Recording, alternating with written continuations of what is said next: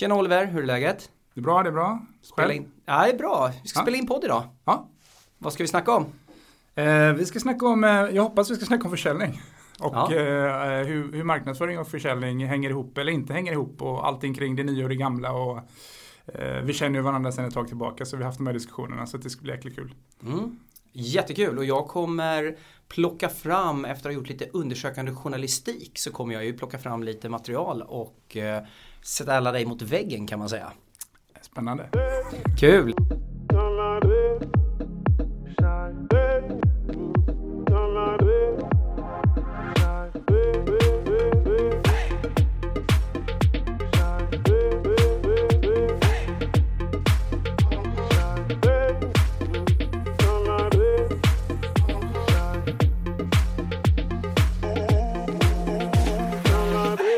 Välkommen till Säljpodden! Jag vet inte när du lyssnar på det här, om det är morgon, lunch eller middag. Spelar inte så stor roll, det viktiga är att du lyssnar. Och att du är intresserad av försäljning. Den här podden är, som jag sa i ett avsnitt tidigare, till för försäljningschefer, VDR, chefer i allmänhet, marknadsförare, entreprenörer. Eller för alla som älskar försäljning eller som borde älska försäljning. För det borde alla göra.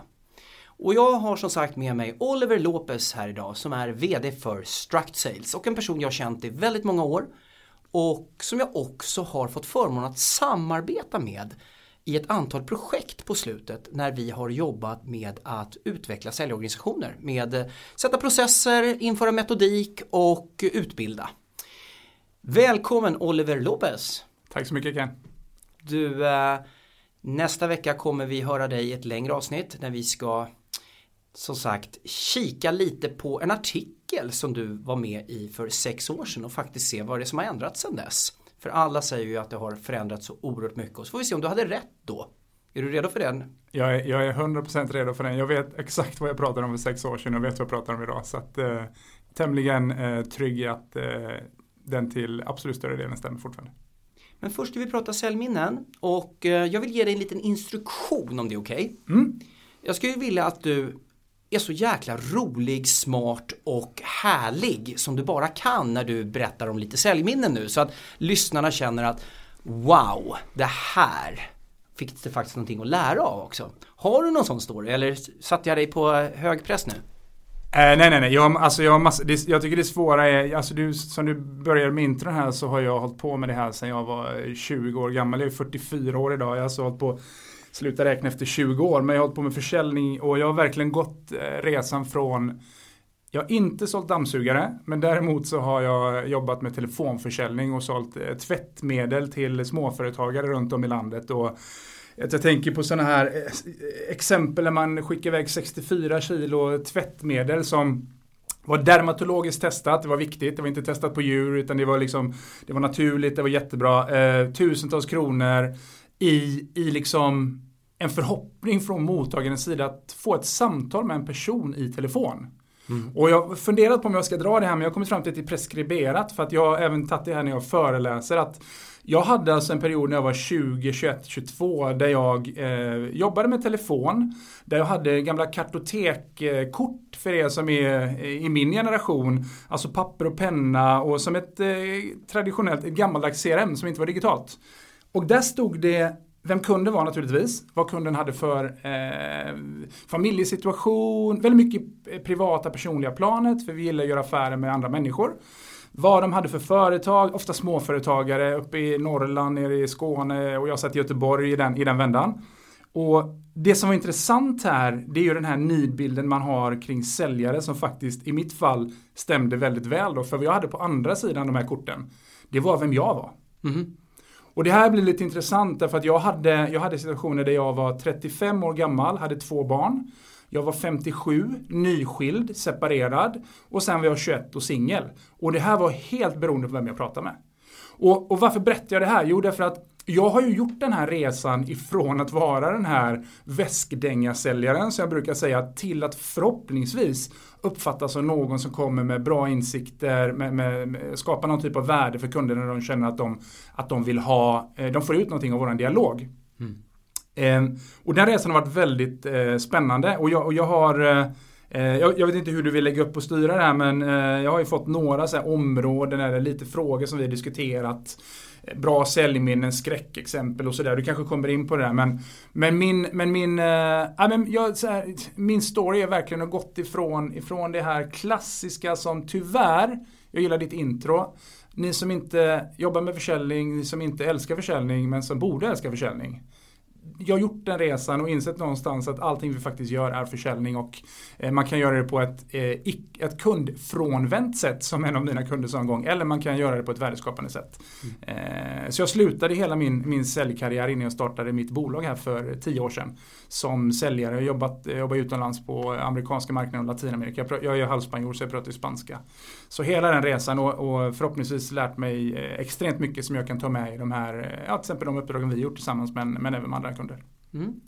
Nej, men jag kommer styra det lite grann. Eh, just det här avsnittet har du fått förbereda och det handlar ju om säljminnen. Så jag tänkte att eh, jättebra intro för övrigt där vi får en bild av just den här resan som du har gjort. Och det är ju många mm. av mina gäster som har gjort en resa inom försäljning och det är därför de är gäster i den här podden för att det finns så mycket att bidra med. Och jag tänker att du ska få berätta lite om ditt bästa säljminne. Har du något sånt? Ja, Eh, nu låter det ju väldigt pretentiöst här men det var, det var lättare att hitta dåliga säljminnen än bra säljminnen. För jag försökte få en vinkel på det så här, när du säger ditt bästa säljminne, ja, men då tänkte jag så här, ja men den där gången eller de här gångerna man kände så här att alltså jag upp, på riktigt älskar det jag gör. Jag älskar försäljning, jag älskar att göra det jag gör. Utmaningen är att så känner jag på riktigt varje dag. Jag, jag, känner att jag eh, har hamnat så jäkla rätt i livet med det jag gör och få möjligheten idag att hjälpa andra bolag med det tycker jag är helt fantastiskt. Men jag har ett jag har ett minne eh, där, jag, eh, där jag känner att jag, eh, jag måste säga, kom till min rätt och liksom kanske gick in på den här banan där jag idag eh, hjälper andra att, att lyckas och bli framgångsrika. Eh, och det var precis när jag, när jag jobbade då, eh, var ett par år innan jag startade eget. Det var i, eh, jobbade för ett eh, Kinneviksbolag som heter Basset. Efter eh, Basset-hundarna då, Eh, som Stenbeck hade. Eh, jobbar med eh, telekomföretag som kunder globalt. Kunder som Telia, Telenor, Telefonica. Jag hade den stora fördelen att nöjet att vara då account manager eller ansvarig för kontot Telefonica i Latinamerika. Och eftersom jag är halvspanjor så vet jag hur latinos fungerar temperamentsmässigt och hur kulturen ser ut. Jag hade en kollega med mig på en resa en gång dit där jag, eh, alltså jag har ju exempel på till exempel när jag, när jag sitter och pratar med en kund Eh, där jag pratade med en kund och frågade vilken är din största utmaning i dagsläget i förhållande till våra produkter och våra tjänster och det var utpressning.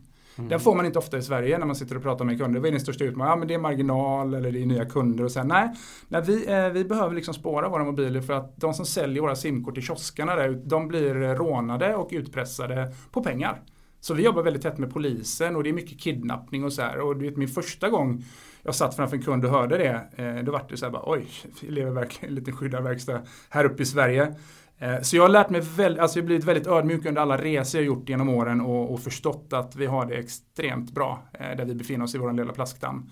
Eh, och ibland ska man tänka mer på det än vad man faktiskt gör. Men, men det bästa minnet jag har det är, det är när jag faktiskt fick nyttja den här fördelen jag har att jag faktiskt är jag brukar säga så här, jag är svenskt strukturerad, ordning och reda, samtidigt som jag är spanskt, eh, temperamentsfull och eh, kan ibland på gott och ont tända till ganska snabbt. Och då eh, funkar det ju så i, i spansktalande länder, latinska länder, eller där, alltså i Sydamerika framförallt är det väldigt mycket hierarki. Så att vi skickade då dit eh, mig som säljare, som account manager, för att träffa regionschefen för Telefonica i, eh, tror det var Costa Rica, Panama och, och eh, ja, tre, fyra länder i Centralamerika i alla fall. Som var, de var extremt missnöjda. Det var då eh, en produkt som vi hade sålt eh, och de skulle tvingas uppgradera. Väldigt vanligt inom IT. Det är end of life, eh, dags att uppgradera. Men vänta lite nu, vi har 700 buggar som ni inte löst. Varför har ni inte fixat de här problemen? Och då blir jag dit, dit kallad. Kommer in, eh, blir inskyffad i ett eh, konferensrum. Har en kollega med mig eh, också på det här mötet. Eh, vill bli inskyffad i ett konferensrum. Mötet ska börja klockan 14.00. När klockan är eh, 20 över så eh, tittar vi ut och undrar kommer den här personen någon gång och skäller ut oss som tanken är.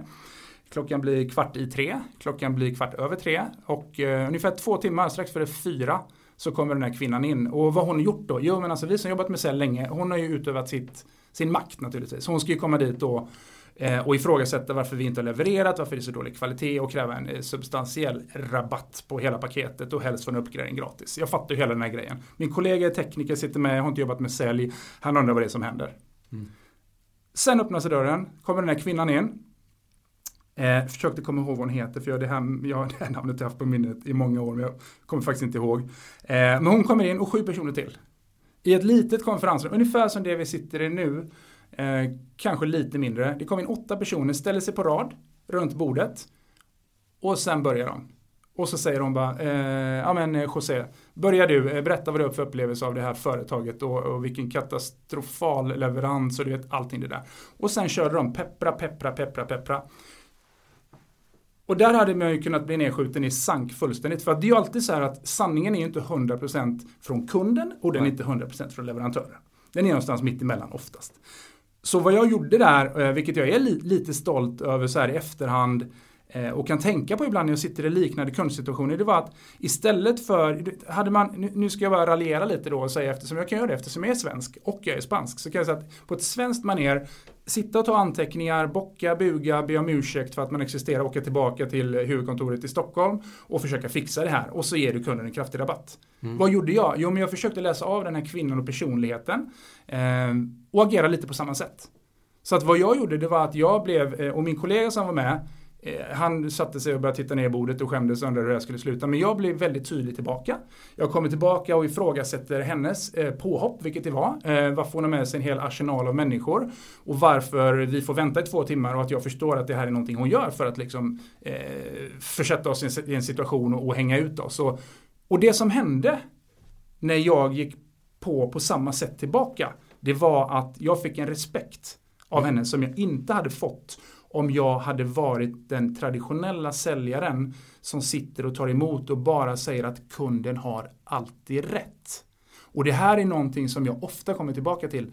Kunden har verkligen inte alltid rätt. Kunden har väldigt ofta fel. Mm. Eh, och, och, och, det är ett av de minnen jag, jag kommer ihåg där jag känner att Fasen, där bet jag tillbaka liksom och, och, och, det blev väldigt bra. Det, det, här är samtidigt kanske det värsta, så att det blev en kombo där. Mm. Eh, eh, liksom på, på, den, på den frågan. Mm. Ja, men det, jag tycker det är en bra story, för vi kommer komma in på det där i det längre avsnittet. Kunden har alltid rätt, kunden har alltid fel. Vad är egentligen sanningen? Och inbound eller outbound? Inifrån och ut eller utifrån och in? Vi ska vända och vrida på de där frågorna nästa mm. vecka. Mm. Eh, men då hoppar vi till eh, frågan det mest överraskande som har hänt på ett kundmöte. Det där var ju överraskande i sak. Ja, det, ja, det var det. det, ja. var det. Eh, ja, alltså här har jag ett, det är så hemskt egentligen. Med, med, säkert andra som har varit med om det här. Men du, du tänker att, och det här har hänt på riktigt. Kommit till ett första kundbesök med en ny kund. Ja, ganska, jag jobbade som säljare, den här personen var ganska hög beslutsfattare på en viktig kund. Viktig bolag. Vi har, inte, vi har pratat telefon. Jag har bokat möte, vi träffas. Står i receptionen som man gör, står småpratar lite grann. Eh, kommer receptionisten fram och eh, frågar vad vill ni ha för kaffe och liksom, är det någon som vill ha någon macka och sådär. Ja, försvinner hon, står vi fortfarande kvar och pratar, så kommer hon med en bricka gående. Och så har de precis varit på någon mässa eller någonting för det ligger lite så här monter, ja men det ligger liksom så här kartonger och saker i receptionen. Exakt. Jag, jag ser hur du hur du reagerar nu och hur andra kanske tänker och lyssnar på det här. Exakt det som ni tänker var precis det som hände fast på, på riktigt ganska illa. Så vad som hände är att eh, den här fantastiska kvinnan som var supertrevlig och jätte, hon snubblar mitt i allting, ramlar pladask framlänges, kastar liksom brickan, eh, kaffekopparna går sönder, det är liksom kaffe på väggarna eh, och hon ramlar och slår sig ordentligt. Alltså ingen så här blod eller ingen hjärn, alltså det var inte, men hon ramlar rätt ner i golvet och slår sig ordentligt. Och jag står och tittar på kunden, kunden tittar på mig, vi tittar på henne. Och det var nog en av de, alltså så här, det gick ju bra för henne och liksom, det löste sig sen och, och så här, men det var en av de effektivaste icebreakers jag någonsin har varit med om. Mm. Att man gemensamt bara, okej, okay, vänta, nu är det en människa som liksom far illa här. Och vad var det som hände? Gick det bra? Och sen går man in och sätter sig i konferensrummet. Och helt plötsligt så, ja men du vet den här prestigegrejen, du vet höger ryggen och nu är det jag och man spelar något spel. Totalt borta. Mm. Och när vi gick in och satte oss så var det direkt bara, ja men man börjar ha ett samtal. Så mm. som alla säljmöten borde vara. Men, mm. men, men det var ju, ja, hemskt alltså. Eh, verkligen. Mm. Och, och, reflektera över hur man reagerar inför en sån, för man blir ju lite så här också, gick det bra och sådär och sen kunna hitta tillbaka. Men, men det är en av de mest förvånande, alltså helt oväntade saker som har hänt. Mm. Ja men det, det är just den här när mänskligheten bryter igenom det professionella spelet. Exakt. Eh, det är så himla viktigt att, att eh, det sker och helst ska det vara så hela tiden. Eh, men full respekt för att det inte alltid kan vara så förstås. Eh, har du någon ritual eller rutin eller någonting som du gör innan du kliver in i ett viktigt kundmöte eller föreläsning? För du föreläser ju en del. Mm. Eh, ja, det har, ja, det har jag. jag. jag har ingen så här eh, som är exakt likadan varje gång. Men jag har ju en bakgrund eh, fram till jag var 18-19 så spelade jag ju fotboll nere i, i Göteborg med IFK Göteborg då. Nu slutar hälften att lyssna här. Eh, med, med Blåvitt. När det begav sig. Och eh, lyckades inte komma upp i, i seniortruppen med Thomas Ravelli och Dick Last. Jag är ju gammal målvakt. Och eh, från den tiden så hade jag ju mycket innan match att man, man gjorde saker, man knöt skorna i viss ordning och man tog på sig handskar och lite sådär. Jag har inte det när jag, men det finns mycket liknelser jag drar till idrotten i form av att eh, jag behöver vara lite, jag vill, jag vill, känna att jag är lite nervös. Det ska vara lite, lite fjärilar i magen, lite pirr i magen. Inte för mycket så att man inte kan hantera det. Men, men det ska vara lite, för att har du inte den känslan, då behöver du jobba upp den på något sätt. För att annars så kommer det vara ett, ett, ett, eh, ett möte som inte har någon dynamik. Du behöver liksom vara lite på tå. Så jag försöker göra det och jobba lite med visualisering och, och jag tittar tillbaka på, i de fall jag känner att oj det här är ett superviktigt möte, ingenting får gå fel. Då tänker jag okej okay, men vad är det värsta som kan hända? Det är en sån fråga jag ställer mig själv. Hur har de sista 50 mötena gått? Ja, 49 och ett halvt har gått precis så som jag trott att det ska gå. Det betyder inte att man alltid lyckas, men man, man har en bild och sen brukar det bli så. Så jag tror också att ju äldre jag blivit, desto mer trygg har jag blivit i att jag, jag ser precis hur processen kommer se ut. Ett möte har ju en början, en mitt och ett slut och man har ju naturligtvis en plan, ett mål för hur man ska agera i de tre olika delarna av mötet. Så att framförallt luta mig tillbaka och känna trygghet i att jag har gjort det så många gånger förut. Ha med mig att eh, vissa saker skulle kunna hända. Det, det, är en handfull saker som skulle kunna hända som kan gå fel. Eh, mer är det inte.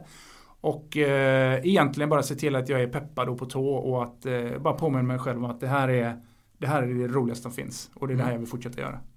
Ja men lite roligt, du visualiserar, positivt visualiserar och eh, tänker i någon form av positiv anda, worst case scenario för att konstatera att det är, det är inte så farligt det här. Sen är det lite roligt i ditt sista mening där att du säger att ah, jag ska vara på tå. Eh, häromveckan hade vi Boel Sjöstrand med som sa just att hon skulle vara på hälarna mm. just för att eh, mena på att hon ska vara avslappnad och inlyssnande. Så att ord betyder lite olika Exakt. helt enkelt. Men det är, ju, det är ju någonstans ändå samma andemening. Man vill vara i mötet eh, på rätt sätt. Mm. Avslutningsvis, något råd? Jag ska vända på den här frågan för jag tyckte att äh, men jag tyckte jag var så himla bra när jag hade Boel. Och du har inte lyssnat på det avsnittet, Nej, vet jag. Så att jag ska säga så här. Den unga Oliver Lopez, mm. har han något råd att ge till den äldre?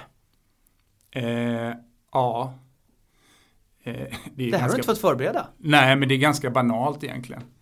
Det handlar verkligen inte om dig. Sluta prata så mycket om dina egna prylar.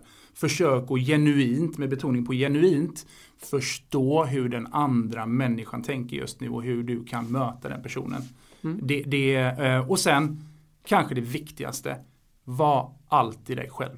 Du mm. måste vara naturlig. Mm. Du kan inte spela ett spel och låtsas vara en annan person. Det funkar, jag lovar, aldrig.